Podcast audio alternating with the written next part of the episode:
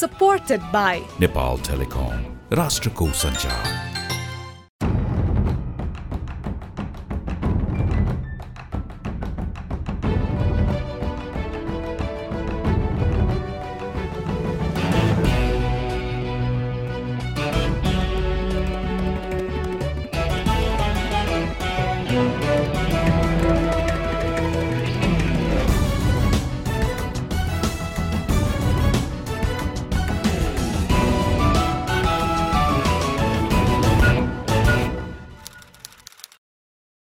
आदरणीय दर्शक तथा श्रोतावृन्द नमस्कार। कार्यक्रम टफ टकमा म दिलभूषण पाठक तपाईँ लगायत मेरा सबै सबै दर्शक तथा श्रोतालाई स्वागत गर्दछु। हिमालय टेलिभिजनमा हरेक बिहिबार साँझ नौ बजे प्रसारण हुने यो कार्यक्रम तपाईँ टफ टकको आफ्नो युट्युब च्यानलमा। टफ टक प्रस्तुतकर्ता इन्टरफेस नेपालको web page interface Nepal dot com र हाम्रो पात्रो एपमा हेर्न तथा आइएस चलाउने श्रोताहरूले आइट्युन्स र एन्ड्रोइड चलाउने श्रोताहरूले नेपाली पडकास्टमा पनि टफ टक सुन्न सक्नुहुनेछ। यो साता भारतले कालापानी लिपुलेक लगायतका क्षेत्र समेटेर नयाँ राजनीतिक नक्सा जारी गरेको तिन सातापछि नेपालले कुटनीतिक नोट पठाउँदै उक्त नक्सा सच्याउन भनेको छ। नेपाली भूभागलाई भारतीय नक्सामा पारिएपछि नेपालभित्र त्यसको घोर विरोध हुँदै आएको छ। अब लागौँ आजको विषयतर्फ। ठिक दुई वर्ष अघि दुई हजार चौहत्तर साल मङ्सिरको चुनावमा जनतासँग भोट माग्दा तत्कालीन वाम गठबन्धनले निकै ठुला सपना देखाएको थियो। आफ्नो पक्षमा बहुमत आए जनताको जीवनस्तरमा तत्कालै सुधार आउने आश्वासन बाँडेको थियो। चुनावी आश्वासनलाई जनताले पत्याए र वाम गठबन्धनलाई बहुमत दिलाए। त्यही बहुमतको बलमा बनेको केपी शर्मा ओलीको नेतृत्वको सरकारको कार्यावधि बिस महिना पुगिसकेको छ तर सर्वसाधारणले अनुभूति गर्ने खालको परिवर्तन हुन सकेको छैन। राजनीतिक सङ्क्रमणका कारण अर्थतन्त्र डामाडोल भएकाले त्यसलाई सुधार्न भन्दै आर्थिक मामिलाका जानकार व्यक्तिलाई अर्थमन्त्री बनाइयो। राष्ट्रिय योजना आयोगको उपाध्यक्षदेखि राष्ट्र ब्याङ्कको गभर्नरसम्म भएका व्यक्ति डाक्टर युवराज खतिवडालाई अर्थमन्त्रीको रूपमा भित्र्याएपछि आर्थिक स्थितिमा व्यापक सुधार आउने आम अपेक्षा थियो। मन्त्री भए लगत्तै खतिवडाले संसदमा मुलुकको ढुकुटी करिब रित्तिएको भन्दै श्वेतपत्र पेश गर्नुभयो। त्यो श्वेतपत्रमा उल्लेखित विवरणमा अहिले पनि उल्लेख्य सुधार आएको छैन। एक वर्षको पूर्ण बजेट कार्यान्वयन र अर्को वर्षको चार महिना बितिसक्दा पनि आर्थिक सुधारका गतिला सङ्केत देखिएका छैनन्। राष्ट्रिय गौरवका आयोजनाहरूको प्रगति सुस्त जस्तै छ। विकास खर्चको शैली खासै सुध्रेको छैन। खर्च गर्न नसक्ने विगतको परिपाटीको निरन्तरता छँदैछ। विदेशी लगानी भित्र्याउन सकस परिरहेको छ। स्वदेशी उद्योगी व्यवसायीहरू पनि व्यावसायिक सुरक्षाको अनुभूति गर्न नसकेको गुनासो गरिरहेका छन्। लामो राजनीतिक सङ्क्रमणबाट सङ्क्रमित अर्थतन्त्र आर्थिक मामिलाका जानकार र अर्थतन्त्रका नाडी छामेका व्यक्ति नै अर्थमन्त्री हुँदा पनि किन अपेक्षित सुधार हुन सकेको छैन? तथ्याङ्क र प्रतिवेदनमा देखिने सुधारले सर्वसाधारणको दैनिक जीवनमा कति राहत दिलाएको छ? किन नेपालमा अझै पनि लगानी मैत्री वातावरण बन्न सकिरहेको छैन। विकास खर्च किन हुँदैन? बिस महिना अघि श्वेतपत्र मार्फत आफैले देखाएको अर्थतन्त्रको भद्रगोल अवस्थामा अहिले के तात्विक सुधार आयो? चुनावका बेला घोषणापत्रमा उल्लेखित प्रतिबद्धता कतै टोकरीमा फालिए वा त्यसअनुसार कुनै काम पनि भइरहेका छन्? यस्तै प्रश्नको जवाब खोज्न आज मसँग हुनुहुन्छ अर्थमन्त्री डक्टर युवराज खतिवडा। आउनुहोस् स्वागत गरौँ। आजका मेरा अतिथि राष्ट्र ब्याङ्कको जागिरेदेखि गभर्नरसम्म योजना आयोगको उपाध्यक्ष र विभिन्न अन्तर्राष्ट्रिय दातृ निकायहरूसँगको कार्य अनुभवपछि राष्ट्रिय सभाको सांसद हुँदै अर्थमन्त्री बनेर बिस महिनादेखि राज्यको ढुकुटी चलाइरहनुभएका अर्थमन्त्री डाक्टर युवराज खतिवडालाई। मन्त्रीज्यू टफटकमा स्वागत छ। हस् धन्यवाद। आराम हुनुहुन्छ? ठिक छु। अघिल्लो हप्ता तपाईँसँगै मन्त्री भएका केही मन्त्रीहरू बाहिरिनु भयो। तपाईँ बस्नुभयो केही प्रेसर त तपाईँलाई पनि थियो होला। होइन बस्नुभयो बाहिरिनु भयो भन्ने कुरै होइन यो। जिम्मेवारी पार्टीमा हेरफेर हुन्छ। कोही सरकारमा गएर काम गर्नुहुन्छ कोही पार्टीमै फर्केर काम गर्नुहुन्छ। यसलाई जिम्मेवारी हेरफेरको कुराको रूपमा बुझ्नु पर्यो। दोस्रो चाहिँ कोही मानिसहरू मन्त्रीमा भन्दा पार्टीमा बढी प्रभावकारी हुन सक्छन्। कोही पार्टीमा भन्दा सरकारमा अनुभवको आधारमा प्रभावकारी हुन सक्छन्। त्यो आधारले मेरो चाहिँ सरकारमै प्रभावकारिता रहन्छ पार्टीमा भन्दा भन्ने बुझाइ होला नि त। अहिले आशय नै होइन तर पछिल्लो पटक धेरै टिप्पणी चाहिँ पार्टीका स्वयं केही नेता र व्यापारी समूहहरू चाहिँ अर्थमन्त्री युवराज कतिवटाजीलाई चाहिँ जसरी पनि यो सरकारबाट बाहिर गर्न चाहन्छन् भन्ने टिप्पणी बढी हुने गरेकाले मैले प्रश्न सोधेँ। एउटा पाटो त्यो पनि थियो होला। तर अर्को पाटो युवराज खतिवडा अर्थमन्त्री रहिरहनु राम्रो हुन्छ भन्ने शुभचिन्तक पनि छन् नि। प्रेसर चाहिँ छ। त्यस्तो चलखेल हुँदो रहेछ। सत्तामा चलखेल चलखेल भनेको कसैको स्वार्थ नमिल्ला स्वार्थ बाज्ला। तर राष्ट्रिय हितको सवालमा अर्थमन्त्रीदेखि कुनै पनि मन्त्रीले राष्ट्रिय हित प्रतिकूल काम गर्यो भने बाहिरको जनमत अनुकूल प्रतिकूल जे होस् उसले पदमा रहनु हुँदैन। तर राष्ट्रिय हित प्रतिकूल हुने गरी काम गरेका छैन र राम्रै काम गरिरहेछ भने त्यसलाई फेरि पार्टीले बुझ्नु पनि पर्छ। मलाई लाग्छ अब हाम्रा त व्यावसायिक स्वार्थहरू त धेरै ठाउँमा हुन्छन् नि। ती स्वार्थलाई हामीले एउटा निष्पक्ष आँखाले हेर्दाखेरि मन्त्रीले त ठिकै गरेका छन् या बेठिक गरेका छन् भनेर जसले जज गर्नुपर्ने हो उसले राम्रोसँग जज गर्यो भने त्यो कुन के हो भनेर छुट्याउन गाह्रो पर्दैन। एउटा सफल टेक्नोक्राट मन्त्री नै भएर जाँदाखेरि चाहिँ त्यो नीतिगत तहमा पुग्दाखेरि चाहिँ काम गर्न कति सजिलो गाह्रो हुँदो रहेछ। अनि काम गर्न सजिलो छ। सजिलो यस अर्थमा कि आफ्नो दृष्टिकोण स्पष्ट हुनुपर्छ। आफूले राष्ट्रिय हित र राष्ट्रिय स्वार्थ बाहेक दायाँ बायाँका स्वार्थहरू हेर्नु हुँदैन। अहिलेको प्रधानमन्त्रीले जुन विकासको दृष्टिकोण र जुन सुधारको दृष्टिकोण जुन स्रोत परिचालनको दृष्टिकोण राख्नु भएको छ त्यो दृष्टिकोणमा काम गर्नलाई सहज स्थिति छ। होइन तर त्यहाँ त फेरि तपाईँले भन्दै गर्दा त्यो टिममा त अरू धेरै हुन्छन्। काम गर्ने पनि हुन्छन् नगर्ने पनि हुन्छन् चियो चर्चो गर्ने पनि हुन्छन् भाँजो हाल्ने पनि हुन्छन्। समाज त बडो विचित्रको छ नि। त्यसमा पनि सरकारमा शक्तिमा रहनेहरूको चलखेल झन् बढी हुन्छ। धेरै मान्छेहरूले चाहिँ तपाईँलाई यस्तो पनि दोष लगाए कि तपाईँ टेक्नोक्र्याट हो तपाईँ विज्ञ पनि हो तर अलिकति राजनीतिक भाषा चाहिँ बुझ्नुहुन्न भनेर दोष लगाए? उहाँहरूले मलाई राष्ट्र ब्याङ्कको गभर्नर मात्रै बुझेका मानिसहरूको लागि त्यो स्वाभाविक नै हो उहाँहरूको त तपाईँलाई भनौँ म झन्डै झन्डै दुई हजार चौबिस पच्चिस सालदेखि वाम राजनीतिप्रति आस्था राख्दै अघि बढेको मान्छे हुँ। मेरो पेसागत मर्यादा कायम राखेर मैले आफ्नो मत राख्ने र आफ्नो विचार राख्ने कुराहरूलाई पेसागत मर्यादाभित्र राखेर बढे हुँ र राजनीतिक चेतनाको हिसाबले करिब करिब पचास वर्ष भयो मेरो राजनीतिक चेतना विकास भएको। जहाँसम्म नेकपा एमालेको कुरा छ जसमा म चाहिँ लामो समयदेखि विचार आस्था राख्थेँ। मैले पार्टीका धेरै आन्तरिक बौद्धिक छलफल बहस दस्तावेजहरू नीति कार्यक्रमहरू बजेटहरू धेरै ठाउँमा योगदान गर्दै आएको र नेकपा एमालेको आर्थिक सोचलाई अघि बढाउनेमा मेरो पनि योगदान छ भनेर मैले चाहिँ भन्दै आएको हो। त्यसो हुनाले यो राजनीतिक सुझबुझ अहिले अर्थमन्त्री भएपछि मात्रै पलाएको भनेर कसैले बुझ्छ भने युवराज खतिवडालाई सबै सर्वाङ्गमा नबुझेको हुन्छ। तर यति भनेर म अझै पनि के भन्छु भने राजनीतिक सुझबुझ भएको टेक्नोक्राटै हुँ म। म फेरि पूर्ण पोलिटिसियन अनि यो अरू आर्थिक र शासकीय कुरा चाहिँ पोलिटिसियनले मात्रै चलाउँछन् भन्ने कुरा चाहिँ अहिलेको एक्काइसौँ शताब्दीको शासकीय व्यवस्थामा हुँदैन।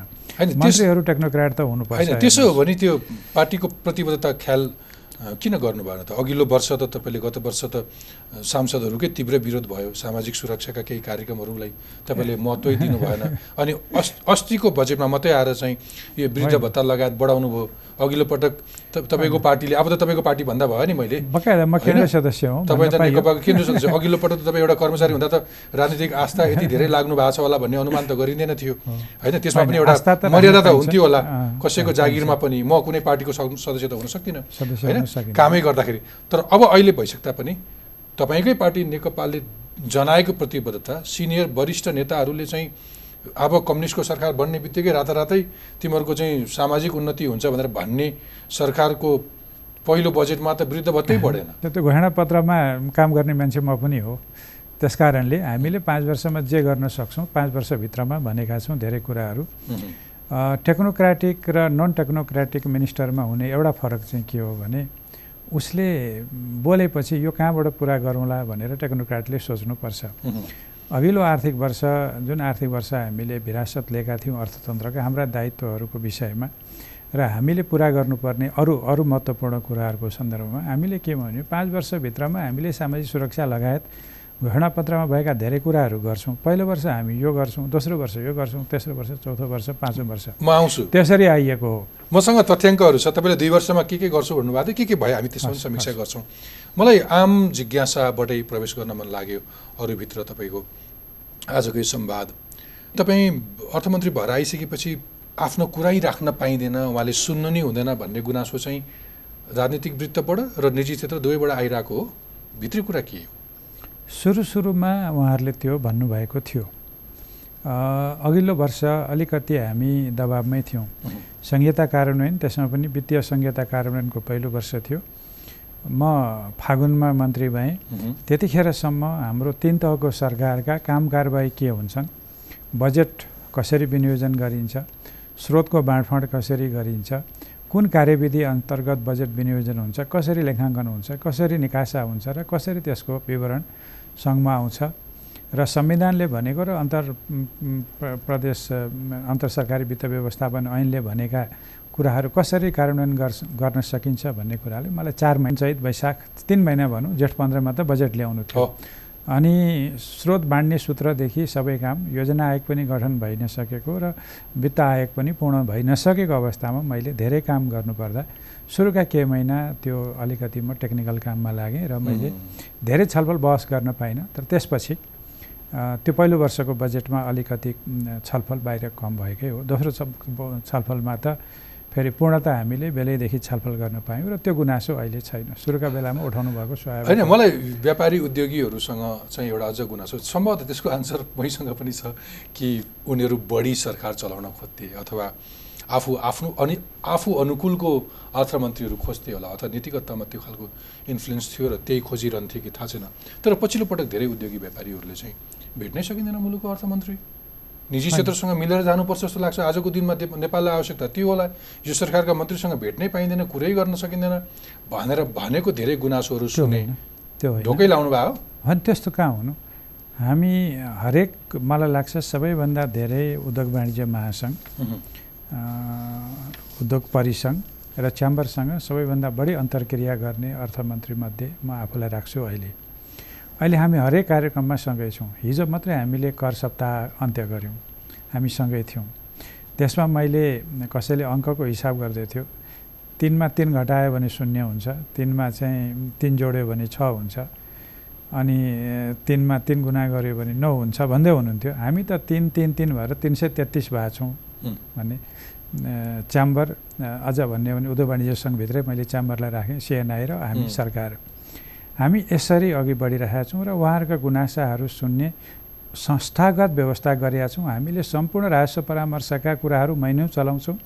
राजस्व कर सम्बन्धी उठेका विवादहरू समाधान गर्ने समिति बनाएर संयुक्त रूपमा हल गरेका छौँ। अब त्यति भनिसकेपछि संस्थागत रूपमा धेरै गरेपछि व्यक्तिहरू व्यक्तिगत रूपमा चाहिँ तपाईँले स्वार्थका कुराहरू हुने कुरामा धेरै भेट गऱ्यो भने त्यो अर्थमन्त्री विवादित हुन्छ हेर्नुहोस्। जो मानिसहरू स्वाभाविक रूपमा संस्थागत र इन्डस्ट्रीको विषयमा कुरा गर्न आउनुहुन्छ त्यो सधैँ संस्थागत रूपमै भेटिन्छ। व्यक्तिगत रूपमा अब मलाई हिजा गर्ने क्रममा त भेट्नु हुँदैन तपाईँले पनि त त्यही नै भन्नु होला हो हो। तर अलिकति दोष चाहिँ सँगै साझेदारी गरेर निगरानीको नीति लिनुभयो अर्थमन्त्रीज्यूले भन्ने टिप्पणी हो गुनासो हो। निगरानी चाहिँ धेरै तहबाट हुनसक्छ अर्थमन्त्रीको निगरानीको त अर्थै रहँदैन किनभने कानुन कर ऐनमा जे भएको छ त्यही कुराको त्यही कुरा हेर्दै जाने हो। ऐन निर्माण गर्दैखेरि समस्या लाग्छ काहीँ कतै त्यो हामी छलफलमा जान सक्छौँ। तर मूलत कानुनको पालना गर्ने हो। अब यहाँ उठेका कुराहरूमा केही व्यवसायी साथीहरूको केही गुनासो स्वतः बुझ्न सकिन्छ। अब जनताले तिरेको करको मूल्यवृद्धि कर व्यवसायीले फिर्ता लिँदै हुनुहुन्थ्यो पाइँदैन भनियो होइन? अब त्यसमा त चित्त दुखाइ त हुन्छ नि। होइन?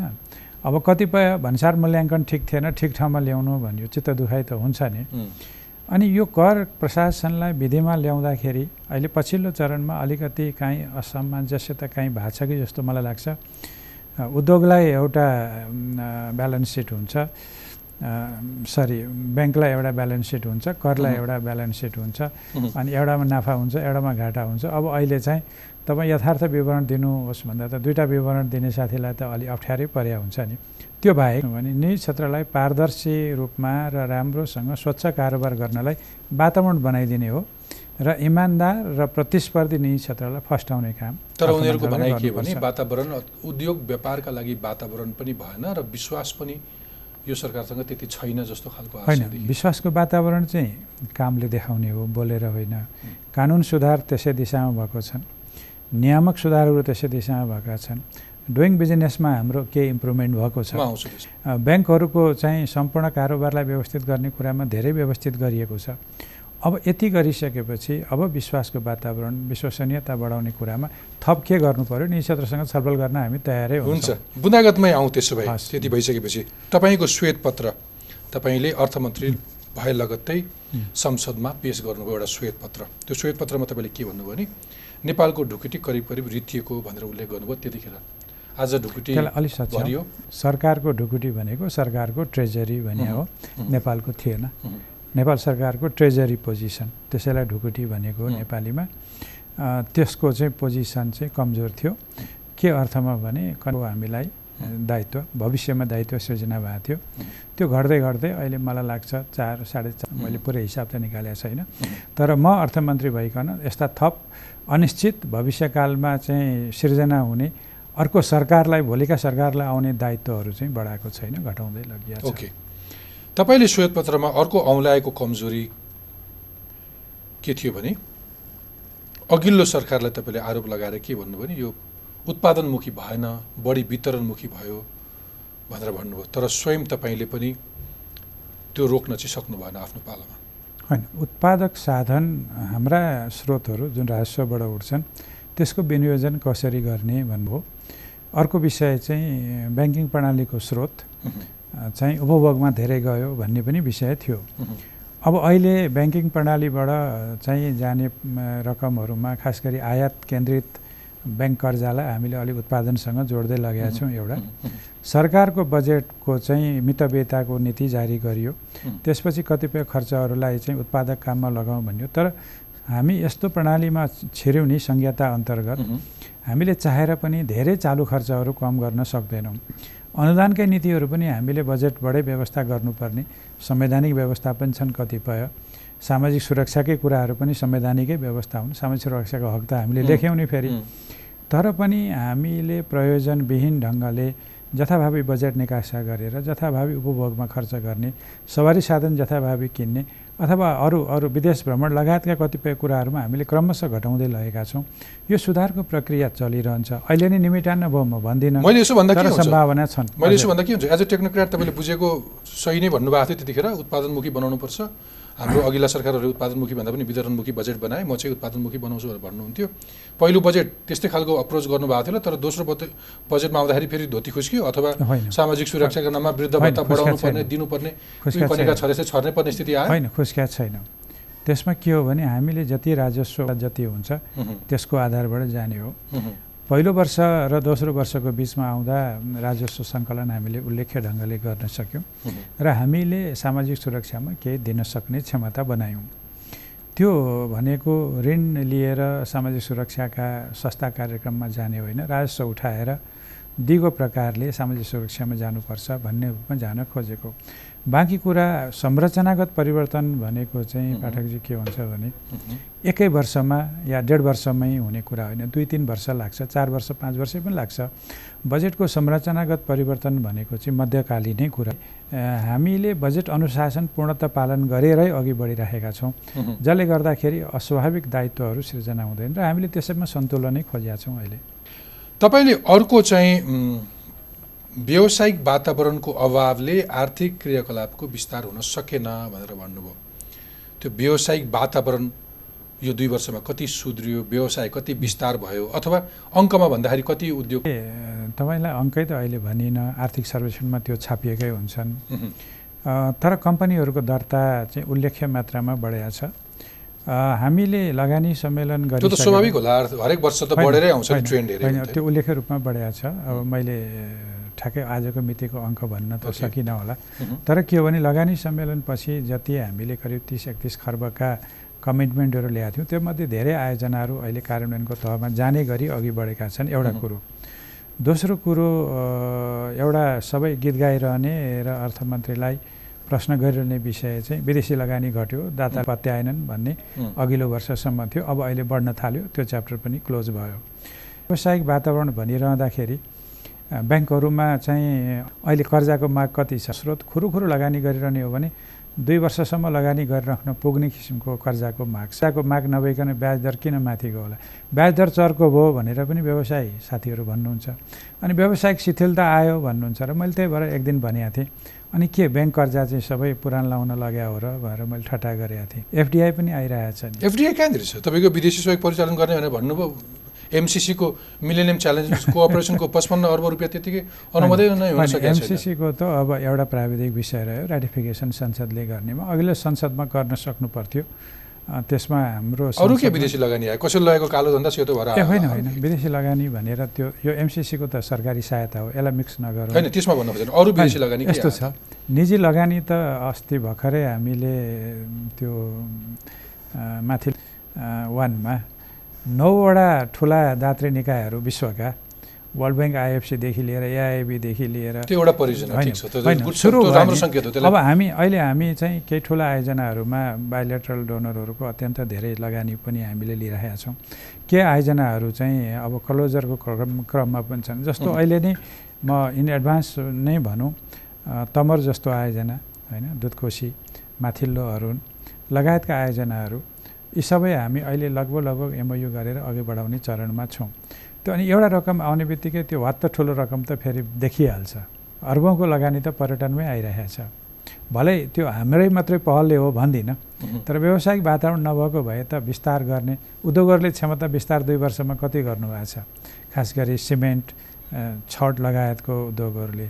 त्यो अङ्क हेर्ने हो भने व्यावसायिक र लगानीको वातावरण राम्रो छ। मेरो दर्शकले त बुझ्ने गरी पुँजीगत खर्च अथवा चालु खर्च भन्दा पनि विकास खर्च चाहिँ कम अनि प्रशासनिक खर्च बढी भनेर भनिरहेको थियौँ। तपाईँको कार्यकालमा केही सुधार आयो? पुँजीगत खर्च?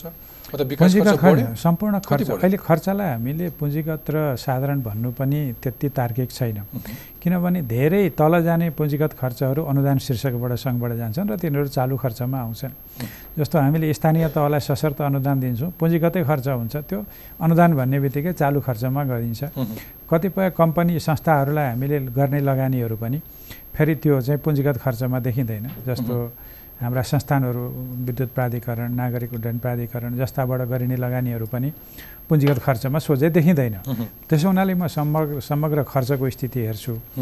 समग्र खर्चको स्थितिमा अघिल्लो वर्ष हामीले सन्तोषजनक रूपमा पुँजीगतै खर्च भन्ने हो भने गर्न सकेनौँ कमसेकम हामीले पचासी प्रतिशत जति पुँजीगत खर्च गर्नुपर्ने पचहत्तर प्रतिशत जति मात्रै रह्यो। त्यसमा हामी अघिल्लो वर्ष कानुन बनाउने नीति बनाउने नियमनको कुराहरू गर्ने भनेर हामीलाई एक्सक्युज थियो यो वर्ष त्यो एक्सक्युज पाउने अवस्था छैन। तर त्यसको बावजुद पनि हामीले सोचेअनुसार पुँजीगत खर्च अघि बढ्न सकेका छैन। यो चाहिँ हामी हामी सरकार आलोच्य हुने विषय नै रहेको छ। अरूलाई भन्न दोष देखाउन जति आफै गरेर काम गर्न चाहिँ अलिक गाह्रै हुँदो रहेछ अलि भए। अलि गाह्रो यो सेन्समा कि अर्थ मन्त्रालय आफै खर्च गर्ने निकाय होइन। सरकारमा रहेपछि सामूहिक जिम्मेवारी र अर्थमन्त्री बजेट पेस गर्ने व्यक्ति भएको हुनाले उसको मूलत जिम्मेवारी हुन्छ। तर ठेकापट्टा खरिदसँग सम्बन्धित जति पनि कामहरू हुन्छन् त्यसको प्रक्रियामा हामी चाहिँ जुन गतिका साथ अघि बढ्न सक्नुपर्ने हो त्यो अझै सकेका छैनौँ। एक्ज्याक्ट यो चाहिँ तपाईँको श्वेतपत्रका केही अंशहरू मैले कुरा गरेँ। अब मलाई चाहिँ वाम घोषणापत्रको प्रतिबद्धता तपाईँको सरकारले अब तपाईँ अँ। तपाईँको सरकार भन्नुभयो ठिक ठिक। तपाईँको सरकारले अस्ति मतदातासँग जे आश्वासन दिएको थियो त्यो जनताले पत्ताएर तपाईँहरू जितेर आइसकेपछि तपाईँको सरकारले पहिलो वर्षमै म यो यो गर्छु भनेर अथवा त्यस बेला आगामी दुई वर्षमा गरिने भनिएका। नौ मुख्य काम मात्रै प्रसङ्ग उठाउँछु। भलै अब जम्मा चार महिना मात्रै बाँकी छ। सरकार बनेको पहिलो वर्षमै पूर्व पश्चिम राजमार्ग रसुवागढी काठमाडौँ बिरगन्जको समानान्तर सात सय पैँसठी केबी प्रसारण लाइन निर्माण गर्न सुरु गरिनेछ भनेको छ। यो काम कति पुग्यो मन्त्रीज्यू? अब प्रसार हामीले सात सय पैँसठी भने पनि चार सय भने पनि अहिले काम मूलत चार सयमा भइरहेको छ। त्यसमा यो अरुण कोरिडरमा काम अघि बढिरहेको छ। दुई सय प्लस केबिएको डबल सर्किटमा। करिब करिब अरुणको कोरिडरबाट तिन हजार मेगावाट पावर इभ्याकुएट गर्ने गरी काम भइरहेको छ मर्स्याङदी कोरिडरमा पनि काम भइरहेको छ र एमसिसीको जुन अघि तपाईँले सोध्नु भएको थियो एमसिसीको प्रोजेक्ट राटिफिकेसन हुनासाथ अहिले हामीले जुन साइट क्लियरेन्स गरिरहेका छौँ अ, त्यो फोर हन्ड्रेड केबिएको चाहिँ हामी यहाँ चाहिँ सिन्धुपाल्चोकदेखि बुटवल हुँदै होइन। नीतिगत रूपमा। स्पष्ट हुनलाई त यत्रो वर्ष होइन, लाग्छ। त्यो भने जुग लाग्दैन। जुग लाग्दैन। अहिले हामीले जमिनको अधिग्रहण वनको क्लियरेन्स गर्ने काम सँगसँगै गरिरहेछौँ र जमिन र वन र सम्पूर्ण साइड क्लियरेन्स भन्छ नि अङ्ग्रेजीमा। त्यो साइड क्लियरेन्स नगरिकन त त्यो यसै पनि सुरु हुने थिएन। साइड क्लियरेन्स उसको पूर्व शर्त हो। साइड क्लियरेन्सको काम चाहिँ अघि बढिरहेको छ। अब यो राटिफिकेसन र साइड क्लियरेन्स सँगसँगै अघि बढेपछि हामी त्यो काम अघि बढाउँछौँ। त्यो क्लियरेन्सलाई चाहिँ एमसिसी आउनु पर्ने रहेछ। बिचरा यहाँका निजी ऊर्जा उत्पादकहरूलाई अरूलाई कति पनि- गाह्रो थियो? अरूलाई पनि गर्नुपर्छ अब. अरूलाई पनि गर्नुपर्छ। हामीले चाहिँ खरिद सम्बन्धी व्यवस्था गरिरहँदा अहिले के गर्न खोजिरहेको छौँ भने इआइए नभइकन साइड क्लियरेन्स नभइकन कुनै ठाउँ ठेगान नभइकन ठेकापट्टा लाने र त्यो पनि बहुवर्षीय लगाउने कुरा बन्द गरौँ भनेका छौँ अहिले हामीले। त्यो कुरो एमसिसीबाट पनि एमसिएबाट पनि सिक्ने कुरा हो र हामीले पनि कानुनमै व्यवस्था गर्न लागेको कुरा हो। भलै विद्युत प्रसारण लाइन अहिले हाम्रो मेजर एजेन्डा ट्रान्समिसन र वितरणमै हो। अहिले भर्खरै हामीले युरोपियन सेन्ट्रल ब्याङ्कसँग इन्भेस्टमेन्ट ब्याङ्कसँग पनि लगानीको लागि लियौँ नर्वे सरकारसँग लियौँ। अब हामीलाई उत्पादनमा त ठुलो समस्या भएन त्यति धेरै। खुसी आउने बित्तिकै त हाम्रो। सबै पुग्छ। तर। वितरण र प्रसारण र वितरण हाम्रो कमजोर छ गर्न थालेका छौँ हामी त्यो गर्छौँ। होइन मलाई तपाईँले ट्वाक्क जवाब दिनुभयो हुन्छ ठ्याक्कै। जस्तो तहको सहरी केन्द्रमा जुन प्रदेश सरकारको सचिवालय सहितका संरचनाहरू निर्माणका लागि गुरु अहिले त अझै कति प्रदेशले त आफ्नो राजधानी तोक्न सकेका छन्। संरचना कसरी बन्ने दुईवटा पक्ष रह्यो एउटा जुन प्रदेश राजधानी तोकिए त्यहाँ त पूर्वाधारको काम भइरहेछ? विकास मन्त्रालयमा दुई वर्षभित्रमा निर्माण गर्ने। सबै त कम्प्लिट नहोला तर धेरै धेरै संरचनागत कुराहरू भइरहेको छन्। जहाँ राजधानी तोक्न ढिला भएको छ अब राजधानी नै नतोकेको ठाउँमा फेरि सबै पूर्वाधारको कुरा त भन्न सकिँदैन। त्यसले गर्दाखेरि अलिकति यो राजनीतिक मुद्दा पनि भएकोले अलिकति समय लाग्ने देखिया छ यसमा। नेपालको आधारभूत खाद्यान्न माछा मासु अन्डा र दुधमा आत्म आत्मनिर्भर बनाइनेछ। दुई वर्षमा भनेर भन्नुभयो दैनिक बिहान बेलुका हामीले खाने भात चामल अस्ति यो गत वर्ष मात्र चालिस अर्बको आयात भएछ। माछा मासु पनि आयात भइरहेछ। तपाईँको मैले पनि खाने होला। हुन त म अँ, आजकल भनेपछि यो प्रतिबद्धता आजकल? म त हुन त रातो चामल खान्छु नेपाल। तर म त साँझ पनि खान्न। कुरो के हो भने हाम्रो चामल हामीलाई नपुग्ने छैन। हामीलाई कति कति? मसिनो चाहिएको। तिस अर्ब चामलको नाममा धेरै कनिका हुन्थ्यो अहिले त्यो घटेर आधाभन्दा तल भएको छ। अब चामल आयात गरेर रक्सी बनाउने कनिकालाई नै हो चामल अहिले घट्यो त। अहिले यो वर्षको तथ्याङ्क हेर्नु न। कति सय वर्ष? अब अघिल्लो आर्थिक वर्षमै त्यसको आधा भएको थियो। अहिले त मलाई लाग्छ डेढ दुई तिन अर्बभन्दा मासु मासु पनि त। घट्दैछ नि त। मासुको अहिले खसी बोका कति कम आए भनेर त फेरि मोटामोटी- मोटामोटी? आत्मनिर्भरता आत्मनिर्भरताको नजिक पुगेका छौँ। अब ठ्याक्कै डेढ वर्षमै नपुग्या होला तर। हामी त्यसको नजिक नजिक पुगेका छौँ। भैरवा अन्तर्राष्ट्रिय विमानस्थल निर्माण सम्पन्न गरिनेछ भने चाहिँ अबको तिन महिनामा त्यहाँबाट विमान उड्छ। सम्पन्न हुन्छ। विमानै उड्ने कुरालाई अब आइकाओले हामीलाई दिने स्वीकृति एयर सेफ्टीका लगायतका सबै कुराहरूमा कति छिटो गर्न सकिन्छ त्यसमा भर पर्छ तर भौतिक रूपमा त्यो तयार भइ भइसक्ने स्थिति छ। ओके। परिमार्जित शिक्षा नीति लागू गरिनेछ कुल बजेटको बिस प्रतिशत शिक्षामा लगानी गरिनेछ भनेर घोषणा थियो। तर तपाईँले दुईवटा बजेट प्रस्तुत गरिसक्नुभयो।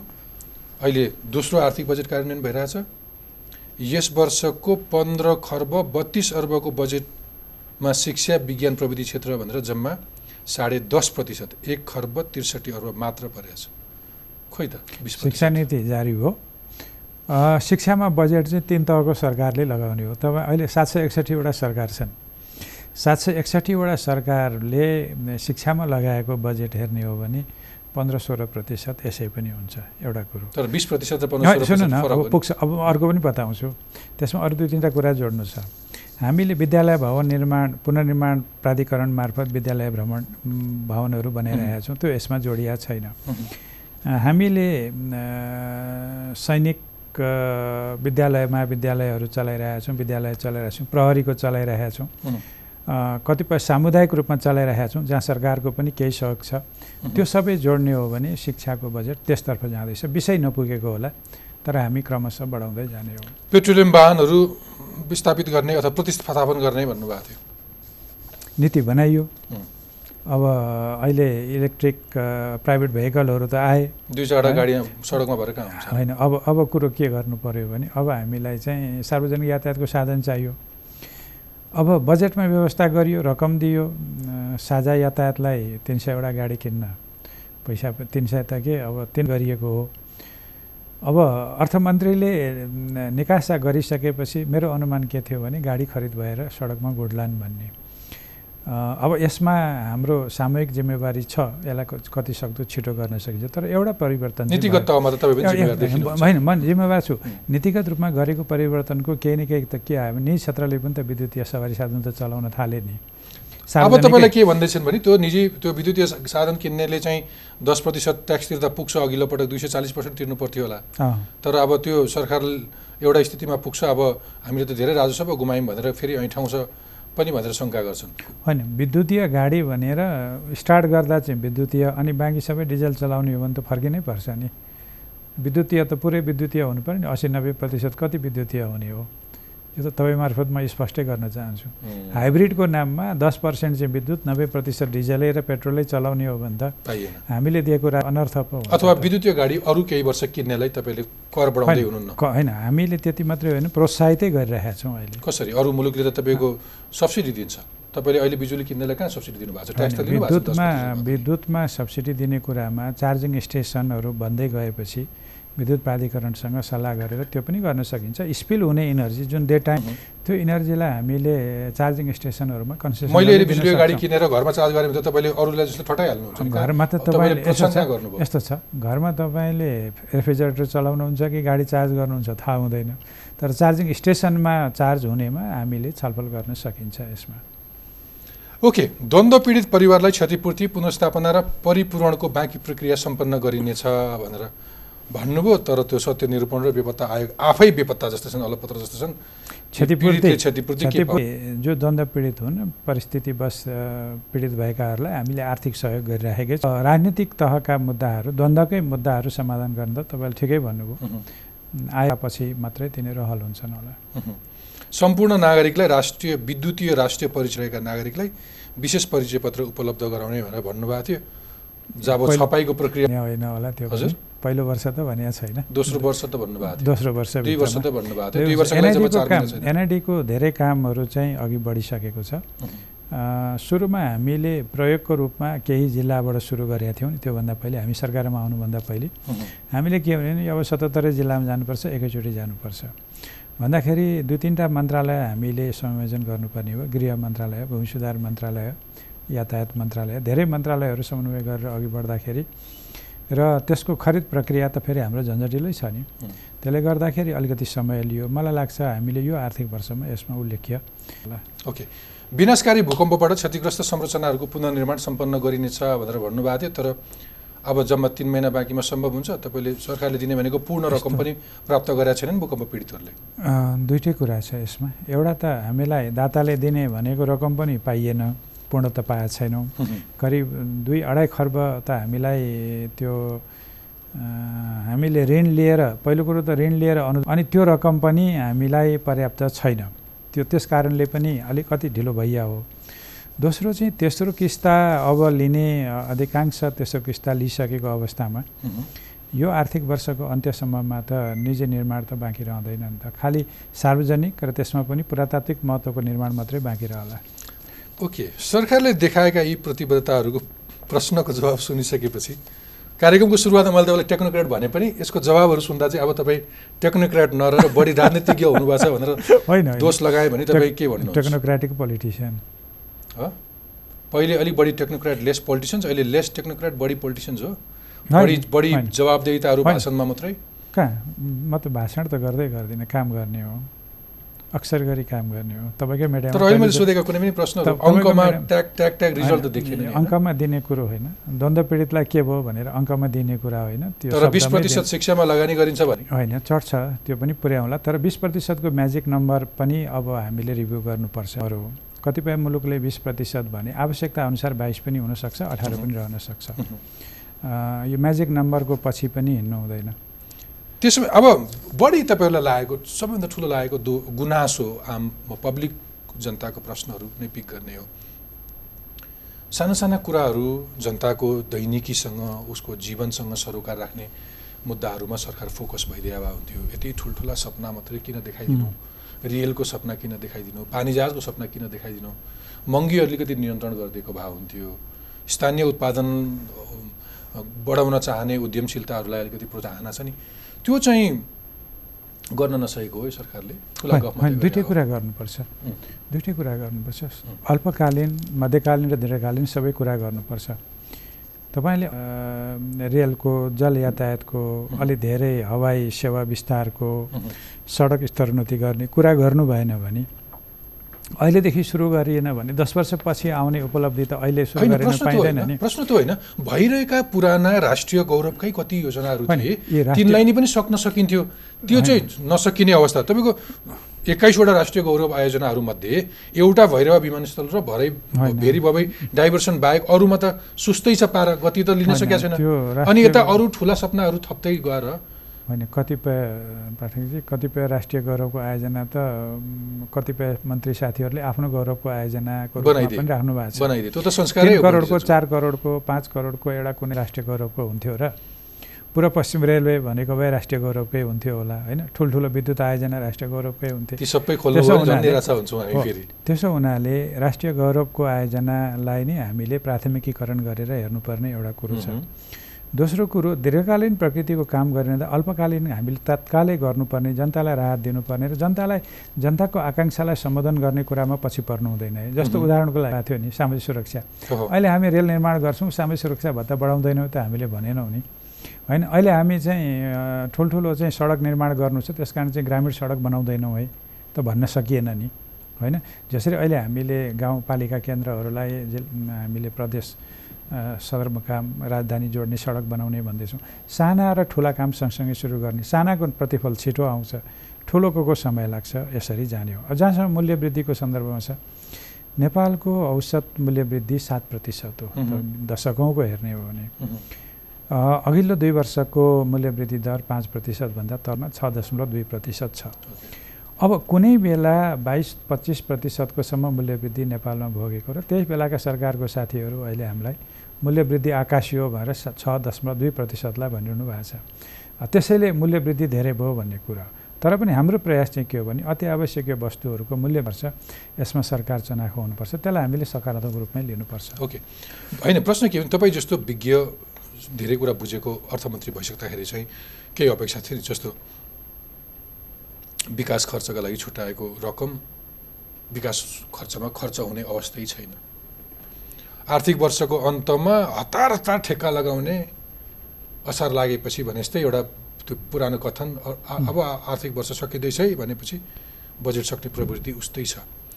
आर्थिक वर्षको अन्त्यमा गएपछि फेरि रकम रकमान्तर गर्ने काम पनि पनि त्यत्तिकै नै ठाउँ पाइरहेछ। किन यो सुधार? यी विकृतिहरू तपाईँ जस्तो टेक्नोक्रेटले किन सुधार सुधार हुँदैछ। पहिलो कुरा त के हो भने अघिल्लो आर्थिक वर्षलाई र धेरै कुरा गऱ्यौँ भने त्यही फेरि मैले भने नि त्यो सङ्क्रमणकालीन वित्तीय संहिताको सङ्क्रमणकालीन वर्षलाई आधार चाहिँ नमानौँ।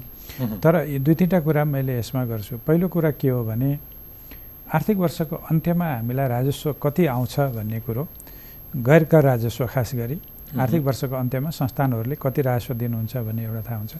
आर्थिक वर्षको अन्तिम महिनामै करिब पन्ध्र प्रतिशत राजस्व उठ्छ। अब पन्ध्र प्रतिशत राजस्व त्यही बेला उठ्छ। अनि हामीले कि त पहिले बजेट घाटाबाट जानु पर्यो। राजस्व उठ्ने यकिन नभइकन कतिपय खर्चहरू रोकिन्छ। उदाहरणको लागि कुनै संस्थामा लगानी गर्नुपर्ने कुरा। त्यो फागुनमा गरे पनि र वैशाख जेठ असारमा गरे पनि खाइ केही महिनाको फरक हो तर असारे विकास जस्तो चाहिँ त्यो देखिन्छ। त्यसलाई हामीले छुट्याएर हेर्नुपर्छ लगानीका अङ्कहरू। दोस्रो कुरो काम मङ्सिर पुस माघ फागुन चैत वैशाख जहिले भए जेठ जहिले भए पनि भुक्तानीको लागि असार पर्खने भुक्तानी दिनलाई असार पर्खने र भुक्तानीको लागि बिल पेस गर्ने समय पनि असार पर्खिने जुन प्रवृत्ति छ त्यसले पनि सबै असारमा भएको भुक्तानी चाहिँ असारमै भएको काममा होइन है भनेर बुझ्नुपर्छ। असारमै काम हुने र असारमै भुक्तानी हुने विषय चाहिँ गम्भीर विषय तपाईँले उठाउनु भएको छ। खास गरी उपभोक्ता समिति मार्फत गराइने कुराहरू र कतिपय छिटो छिटो बजेट सक्नलाई गरिने कुराहरूमा हामीले रोक्न सक्नुपर्छ। यो तेस्रो प्रकारको समस्यालाई नै हामीले अहिले सम्बोधन गरेर जानुपर्छ। ओके। यसमा हामीले सुधार गर्नुपर्ने ठाउँ छ। म तपाईँसँग अन्तर्वार्ता गर्ने भनेपछि केही सरोकारवाला पक्षहरूसँग संवाद गरिरहेको थिएँ केही प्रश्नहरू त बटुल्नु पऱ्यो खोज्नु पऱ्यो तपाईँलाई धेरैले चाहिँ राष्ट्र ब्याङ्कको गभर्नरको रूपमा तपाईँले गरेका सुधारहरूका आधारमा पनि अर्थमन्त्री हुँदै गर्दाखेरि अलिक बढी अपेक्षा गरेको थिएँ गरेको थियौँ भन्ने एउटा टिप्पणीहरू धेरै सुन्यो पाइयो। तर त्यति हुँदा हुँदै पनि केही मान्छेहरूको प्रश्न मैले त्यसलाई मेल्ट गरेर तपाईँलाई भन्दाखेरि चाहिँ तपाईँ आइसकेपछि सामान्य मान्छेले बुझेको अलिकति आर्थिक क्रियाकलापहरू थियो जग्गा जमिनहरूको किनबेच थियो सेयरको कारोबार थियो बजार बजार जस्तो थियो। खर्च गर्ने किन्ने पर्चेजिङ पावर त्यति नै थियो। अचानक शिथिल रिसेसन जस्तो सुरु भयो होइन? अनि हाम्रो टेक्नोक्रेट एउटा जान्न सक्ने एउटा विज्ञ पनि सिंहदरमा पुगेपछि त्यो अल्झाउने त्यस्तो कुनै के रहेछ त्यो दशा अथवा त्यस्तो चाहिँ रोग के रहेछ जसले चाहिँ यतिको होनहार मान्छेलाई पनि आर्थिक अलिकति प्रगति गर्न रोक्यो सोधिदिनुहोस् भनेर भनेको छ। जवाब छ तपाईँसँग? किन नहुनु? कृत्रिम अर्थतन्त्रबाट वास्तविक अर्थतन्त्रमा जाँदाखेरि तत्कालीन लक्षणहरू त्यस्ता पनि हुन्छन्। पहिलो कुरो हामी जुन चलायमान भएको अर्थतन्त्र भने त्यसको धरातल के हो? केबाट भइरहेको थियो? त्यो हेर्नुपर्छ। उदाहरणको लागि जनताको निक्षेप ब्याङ्कमा गएछ त्यो निक्षेप ब्याङ्कले फिर्ता गर्नुपर्छ मागेको बेला। त्यो निक्षेपबाट हामी के गर्दैछौँ? उपभोगमा जथाभावी पैसा खर्च गराइरहेका छौँ र बजारलाई कृत्रिम रूपमा चलायमान बनाएका छौँ। सधैँ पुँजी बजार या खास गरी रियल इस्टेट भनौँ सधैँ एकै नासले माथि जाने विश्वमा कहीँ पनि हुँदैन। भोलि बजारको सेन्टिमेन्ट तलमाथिबाट पो खसिन्छ त। यो खस्न दिनु हुँदैन। एउटा टेक्नोक्रेट अर्थमन्त्रीले के हो भने तल धेरै झर्न खस्किन दिनु हुँदैन। बेलैमा हामीले हामीलाई संयमित भएर हामीले अघि बढ्नुपर्छ। स्थिरतातर्फ मुलुक जानुपर्छ। अनि मात्रै वृद्धिको जग तयार हुन्छ। त्यसरी गरिरहँदाखेरि केही बजारमा हिजोको त्यो चाहिँ अलि कृत्रिम ढङ्गले व्यवसाय गर्नेहरूले त्यो प्रश्न उठाउनु स्वाभाविक हो। तर हामी एउटा सोलिड फाउन्डेसनमा छौँ त्यसको एउटा दुइटा मात्रै उदाहरण दिन्छौँ। अघिल्लो आर्थिक वर्षको आर्थिक वृद्धि त्योभन्दा अघिल्लो वर्ष साढे छ प्रतिशतको बावजुद अघिल्लो वर्षको आर्थिक वृद्धि सात दशमलव एक प्रतिशत भयो। त्यो वृद्धिको जग चाहिँ के हो त? आर्थिक क्रियाकलाप शिथिल भएर हो र होइन नि। त्यसमा पनि कृषिको त पाँच पर्सेन्ट लगभगको आर्थिक वृद्धि हो। तर उद्योग र सेवा क्षेत्रका समग्र क्षेत्रहरूको आर्थिक वृद्धि छ प्रतिशतदेखि दस प्रतिशतको बिचमा छ। ती आर्थिक वृद्धि यसै भएका त होइनन् नि। त्यसलाई टिकाउनलाई हामीले अघि बढ्नुपर्छ र हाम्रो स्रोत उत्पादनतिर उपभोगतिर होइन। उपभोगतिर लगाउने भए त राजस्व राम्रो बढ्थ्यो आयात बढ्थ्यो आर्थिक क्रियाकलाप बढेको देखिन्थ्यो। तर कतिन्जेल त्यसरी टिकिन्छ। मैले त जिम्मेवारीपूर्वक हामीले छोडेर जाने अथवा म अर्थमन्त्रीको रूपमा छोडेर जाने अर्थतन्त्र एउटा सोलिड ग्राउन्डमा होस् न।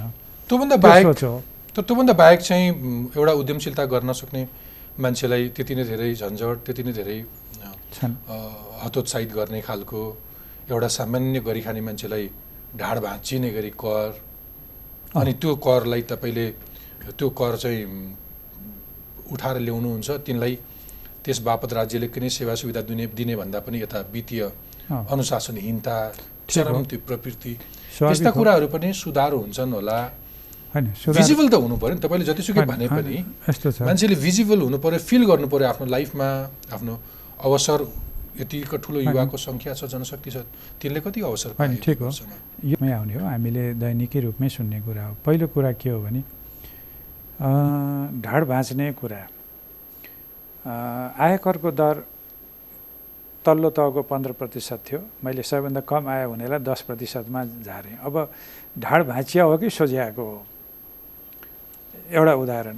अर्को जनतालाई सर्वसाधारणलाई बढी मार पर्ने मूल्य वृद्धि कर बढायो भने अप्रत्यक्ष रूपमा जनतालाई मार पर्छ बढाए त छैन यथावतै छ। मैले यो टेबलमा एकजना अर्थ कर विज्ञलाई के भनेको थिएँ भने एउटा मोमोको डल्लोमा कति ट्याक्स लिनुहुन्छ भनेर सोधेको थिएँ। अघि त अब भात नखाउ पनि कसरी भन्नुहुन्छ र त्यत्रो तिस अर्बको गत वर्ष चामल आयात गरिआएर छ तर घट्याएर छ। यदि कोही मान्छे मोमो खान गएको छ अथवा एउटा रेस्टुरेन्टमा एउटा मान्छे खाजा खान गयो भने एउटा रेस्टुरेन्टले तेह्र पर्सेन्ट भ्याट जोड्छ अर्को दस बाह्र पर्सेन्ट दस दस पर्सेन्ट सेवा शुल्क तिर्छ। भनेपछि एउटा एउटा सामान्य मान्छेले पेट भर्न कुनै चिज खा उसले खान जाँदाखेरि पनि सय रुपियाँमा बाइस प्रतिशतभन्दा बढी तेइस प्रतिशतभन्दा बढी झन् झन् चौबिस प्रतिशत ट्याक्स यो मुलुकमा यो गरिब जनतासँग तपाईँ जस्तो सुन्नु न। मान्छेले लिन? आजभन्दा आजभन्दा पन्ध्र वर्ष अगाडि या दस वर्ष अगाडि मैले पनि मोमो खान जाँदा त्यति नै कर तिरे हो। अहिले युवराज खतवेडाले बढाएको हो र मूल्यवृद्धि कर सेवामा त पहिलेदेखि नै छ। अनि सेवा शुल्क त हामीले मजदुरहरूसँग चाहिँ होटल यातायात होटल मजदुरहरूसँग सम्झौता गरेर सेवा शुल्क लगाउने भन्ने कुरा त यो आजको कुरा हो पन्ध्र वर्ष अगाडि अनि मैले अब? त्यो अनि भाँचिएको त पन्ध्र वर्ष अगाडि भाँचिएको मलाई सोझ्याउन लगाउँदै हुनु अपेक्षा त गर्छु नि त पहिलो। कुरो त त्यो भयो होइन तर मूल्यवृद्धि कर एउटा आम रूपमा राज्यको राज्य सञ्चालन गर्न लगाइने कर हो। यसको करको दायरा बढाउनुहोस् दर नबढाउनुहोस् भनेर व्यवसायीहरूले भनिरहँदा अनि अर्थमन्त्रीले के गर्ने दायरा पनि नबढाउने दर त बढाउँदैन दायरा पनि नबढाउने हो भने के गर्ने? एउटा विषय यो छ। अर्को जेन्युन प्रश्न चाहिँ के हो भने उठेको कर सदुपयोग भयो कि प्रयास अर्थमन्त्रीको त्यसैमा हो। आर्थिक अनुशासन अघि मैले भने नि मितव्ययताको नीति ल्याउनु पर्यो सवारी साधन खरिद सम्बन्धी नीति ल्याउनु पर्यो विदेश भ्रमण सम्बन्धी नीति ल्याउनु पर्यो अनि त्यसपछि हाम्रो बजेट विनियोजनमा सार्वजनिक खर्च प्रणालीमा त्यत्रो विधि कायम गर्नु पर्यो। अब अहिले तिन तहको सरकारमा अहिले हामीलाई उठेको एउटा जिज्ञासा र प्रश्न के छ भने। के सबैले विधिसम्मत रूपले खर्च गरेका छन् त भन्ने प्रश्न त उठेको छ मालेखा परीक्षाको प्रतिवेदनमा बेरोजो पनि आउँछ। अब हाम्रो प्रयास भनेको आर्थिक अनुशासन कायम गर्दै जनताले तिरेको करलाई उत्पादक ढङ्गले हामीले उपयोग गर्ने हो र जनतालाई अनुभूत हुने किसिमको त्यसो हुनाले अब अहिले हामीले के पायौँ भन्दा अलिकति आक्रोश चाहिँ मैले के स्थानीय तहका सरकारसँग पनि देखिन्छ। र अब हिजो त एउटा मात्रै अर्थमन्त्री हुन्थ्यो मुलुकमा अब अहिले त बजेट पेस गर्ने त सात सय एकसट्ठीजना हुनुहुन्छ नि। अनि त्यो सात सय साठीजनाको बोझ पनि कहिलेकाहीँ एउटा अनि त्यसो भएपछि त भारी अलि धेरै नै हुन्छ। अझ राजस्वको भारी तपाईँको कति? कार्तिकसम्म तिन खर्ब तिस अर्ब राजस्व उठाउने लक्ष्य थियो होइन? अलिक कम उठाएछ। दुई खर्ब मात्रै उठिएको छ होइन। निकै कम अलिक। अलिअलि कम। आजै भ मात्रै म रेभेन्यूको छलफल गरेर आएको। हामी आन्तरिक राजस्वमा राम्रो छ। बिस प्रतिशतदेखि पच्चिस प्रतिशतको वृद्धि छ। अब हामी आयात पनि नगर्ने आयात पनि व्यापार घाटा पनि घटाउनु पर्यो आयात पनि रोक्नु पर्यो अनि त्यही आयातमा आधारित राजस्व पनि एकदमै बढाउनु पर्यो भनेर त दुवै हातमा लड्डु त हुँदैन हेर्नुहोस्। ओके अथवा मेरो आशय के भने युवराज खतिवडाले अलिक बढी नै बोझ बोकेको हो भनेर सोधिरहेको अघिदेखि। अहिले यहाँले भन्नुभयो। होइन बोझ महसुस गरे हो। बोझ त सबै अर्थमन्त्री हुँदाखेरि क सबैलाई पर्छ। तर त्यो बोझ चाहिँ लिने नलिने कति सिरियसली लिने किनभने यो स्थिर सर पाँच वर्षको राजनीतिक रोडम्याप त यसै पनि घटीमा राख्नै पर्छ। त्यो राख्दाखेरि मैले त्यो बोझलाई दीर्घकालीन रूपमा हल गर्ने गरी ल्याउँ होइन? अब पहिले त अब अलिक छोटो अवधि हुन्थ्यो केही गरौँ निक्लिहालौँ। छोटै अवधिमा लोकप्रिय काम गरिहालौँ पछि देखा जाएगा कार्यान्वयन त गर्नु पर्दैन भन्ने त्यो सुविधा मलाई छैन क्या। त्यो भएर त्यो दायित्वबोध अलिकति बढी हो र यसै. पनि मलाई मैले कमिटमेन्ट गरिसकेपछि त्यो डेलिभरी गर्नुपर्छ। यो पदमा हुँदा मात्रै कुरो होइन। भोलि पदभन्दा बाहिर हुँदा पनि त बोलाउनु होला। त्यो बेला पनि त बिल्कुल। होइन मलाई त अब अहिले मैले गरेको कामले त सेवानिवृत्त भएपछि पनि म जवाफदेही हुनु बिल्कुल होइन। दुई वर्ष आगामी दुई वर्षभित्र गर्ने प्रतिबद्धताहरू यसो सम्झाउन बोलाएको मात्रै चार महिना छ तिन वर्षको प्रतिबद्धताहरू मैले तपाईँलाई सम्झाइनँ अहिले। अर्को वर्ष समय माग्छु तपाईँसँग। केही राम्रा पक्षहरू पनि छन्। बिट मारौँ कार्यक्रम सिद्धियो। तपाईँलाई अघि मैले डुइङ बिजनेस इन्डेक्समा आएका केही सुखद परिणामहरू को बारेमा बोल्न आँट्दै गर्दा मैले अन्तिममा समय राखेको थिएँ। त्यतापट्टि जाउँ। अर्थविज्ञहरू विदहरू आफै पनि धेरै कुरा तथ्याङ्कमा मात्रै हेर्ने होइन कि मान्छेको लाइफमा हेर्ने भनेर भन्छन्। त्यो कुरा पनि मनन गर्दै भन्नुहोस् त। डुइङ बिजनेस इन्डेक्समा हामीले त्यस्तो चमत्कार के गर्यौँ? होइन चमत्कार भन्दा पनि सुधार गरेका छौँ। अब हामीले गरेका सुधारहरू भनेको खास गरी निजी क्षेत्रको लगानीको लागि। उद्योग दर्ता गर्दादेखिका समस्याहरू हुन्छन्। उद्योग दर्ता कस लाई उसले चाहिँ उद्योगको लागि आवेदन कहाँ दिने? उदाहरणको लागि हामीले अहिले त्यो हुन त डुइङ बिजनेस इन्डेक्स को मूल्याङ्कनभन्दा पछि भएका कुरा हुन् जुन आउँदो वर्षको मूल्याङ्कनमा देखिनेछ उद्योग विभागमा हामीले कम्पनी रजिस्ट्रार कार्यालयमा वान विन्डो सिस्टम त सुरु गऱ्यौँ नि अहिले प्रभावकारी हुँदैछ। लगानी बोर्डमा त्यसको संरचना बनिसकेको छ। नियावली पास हुने बित्तिकै त्यो लागू हुन्छ। एउटा कुरो दर्तादेखिकै प्रक्रियामा। दोस्रो कुरा निजी लगानीकर्तालाई खास गरी लगानी बोर्डमा मार्फत हुने लगानीहरूको लागि गरिएका सुधारहरू। सार्वजनिक निजी साझेदारी र लगानी ऐन आयो। त्यो ऐनको व्यवस्थाले अब जमिन लिनलाई जङ्गलमा पहुँच गर्नलाई इआइए गर्ने कुरालाई धेरै कुरालाई सहज गर्दै गरेको छ। त्यो एउटा कुरो हो। दोस्रो भनेको पानी बिजुली अब उद्योग दर्ता गरिसकेपछि त त्यहाँ त बिजुली पनि जोडिदिनु पऱ्यो बिजुलीको लाइन जोड्नलाई पहिले सत्तरी दिन असी दिन लाग्थ्यो। त्यो घटाइयो। विद्युत आपूर्ति पनि राम्रो भयो। ब्याङ्क कर्जा पनि चाहियो। ब्याङ्क कर्जाको लागि प्रोसेस गाउने जस्ता कुराहरूमा पनि सुधार भए होइन? कर प्रणालीलाई बढी पारदर्शी त बनाइ प्रणाली झन्झटिलो छ है भन्ने कुरो त्यहाँ छ। अबको हाम्रो सुधार भनेको ठ्याक्कै त्यो कर प्रणालीलाई सरल कसरी र लिनेको बिचमा फेस टु फेसै नहुने गरी प्रविधिको प्रयोगबाट कसरी हामी अघि बढ्न सक्छौँ भन्ने एजेन्डा ट्याक्स पेमेन्टको सिस्टम ल्याउँदैछौँ। त्यसबाट सुधार गर्नुपर्ने छ। फाइनल अर्को कुरा चाहिँ के छ भने भन्ने छैन। कहिलेकाहीँ कसैले निक्लाउनु पनि पर्छ। एक्जिट चाहिँ सहज छैन है नेपालमा। भनेपछि अब हामीले कम्पनी ऐन बनाइरहँदा र दामासाई ऐन बनाइरहँदा कम्पनी खोल्न जति सजिलो छ निक्लाउन पनि त्यति नै सजिलो गर्ने व्यवस्था कम्पनी ऐन र दामासाई ऐनमा संशोधन गरेर गर्दैछौँ। मूलत यिनै कुराहरू ओके मेरा प्रश्नहरू सिद्धि। जाँदा जाँदै तपाईँलाई दिनगन्ती गरिरह होला। कहिले उहाँ हुन्छ अरू मन्त्री जस्तै भनेर केही सन्देश छ? म काम गर्दैछु अथवा यी कुराहरू तपाईँले मेरो कार्यकालमा देख्नुहुन्छ भनेर बुदागत होइन दिनगन्ती त गर्नुपर्छ। हरेक दिन सरकारमा बसेको मान्छेले आज मैले के गरेँ? त्यो दिनगन्ती त गर्नुपर्छ। म हरेक दिन त्यो हेर्दै कमिटमेन्ट के छ? होइन उता मैले कसरी गर्दैछु भोलिको दिन कसरी गर्छु दीर्घकालीन के हो मुख्य कुरो के हो भने तपाईँ कुन पदमा रहनुहुन्छ भन्ने कुरा गौड हो। मुलुकको लागि काम गर्ने कुरामा म त पार्टीको केन्द्रीय सदस्य पनि हुँ। मैले सरकारमा रहँदा या पार्टीमा रहँदा मुलुकको लागि गर्ने कामका केही लिस्टहरू हुन्छन्।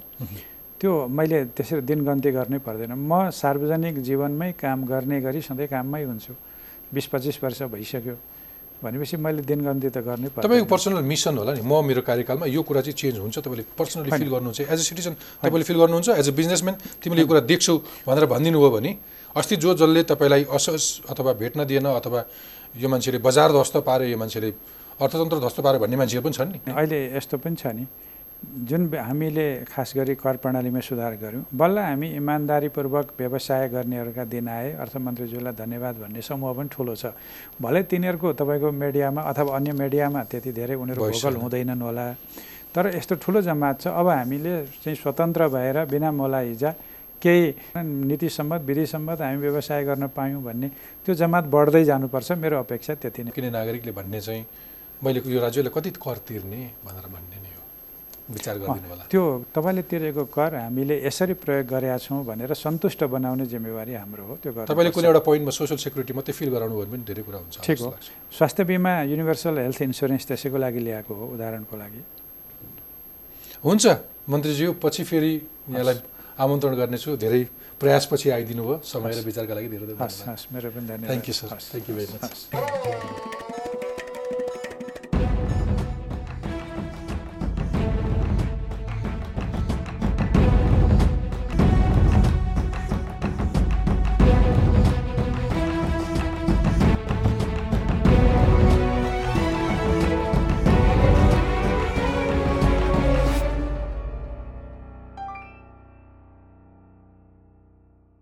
supported by Nepal Telecom, Rashtrakuta Sanchar.